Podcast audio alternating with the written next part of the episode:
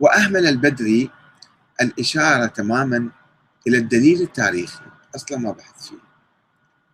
الدليل الذي كان ينطوي على أساطير مضحكة. وأي واحد يعني من الحوزة العلمية لو يقرأ القصص يقوم يضحك عليها. السيد الشيرازي ما أدري إلى حوزة كان ينتمي حوزة علمية ولا الحوزة الأمية؟ سيد محمد الشيرازي. كتب كتاب عن الإمام مهدي قال الإمام مهدي حملت به أمه في الجن. وولد من فخذها. شنو الأساطير؟ شنو الخرافات هذه؟ شنو الداعي لذلك يعني؟ شايفين واحد بالدنيا يولد من فخذ أمه؟ هذه الحوزة الأمية. الحوزة الأمية كل شيء تقول ما عندها مانع. وتعبر كل شيء صحيح عندها. ما تفكر لأنه. لا تفكر لا تدرس ولا تبحث لا تشوف سند ولا علم رجال ولا محزنون آه، الدليل التاريخي اللي يقدموه ينطوي على أساطير مضحكة وغريبة لا أقول بها إلا الغلاة كولادة ابن الحسن من فخذ أمه وحمله في الجنة وأخذ الطيور له بسرعة جو لقفوا الطيور ودوه السماء ونموه سريع بسرعة بسرعة قام يكبر خلال أسابيع صار شاب. وعلمه بالغيب.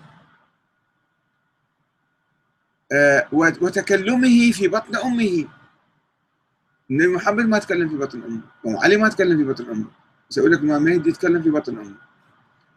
نبي عيسى حتى ما تكلم في بطن أمه. ويبدو أن البدري يقر ويعترف بضعف هذا الدليل الدليل التاريخي.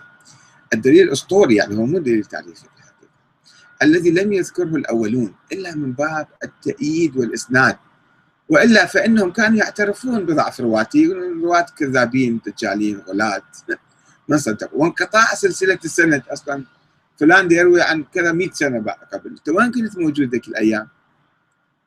واعترف الأستاذ البدري أيضا بأن القول بوجود ابن للإمام العسكري هو بالدرجة الأولى افتراض فلسفي.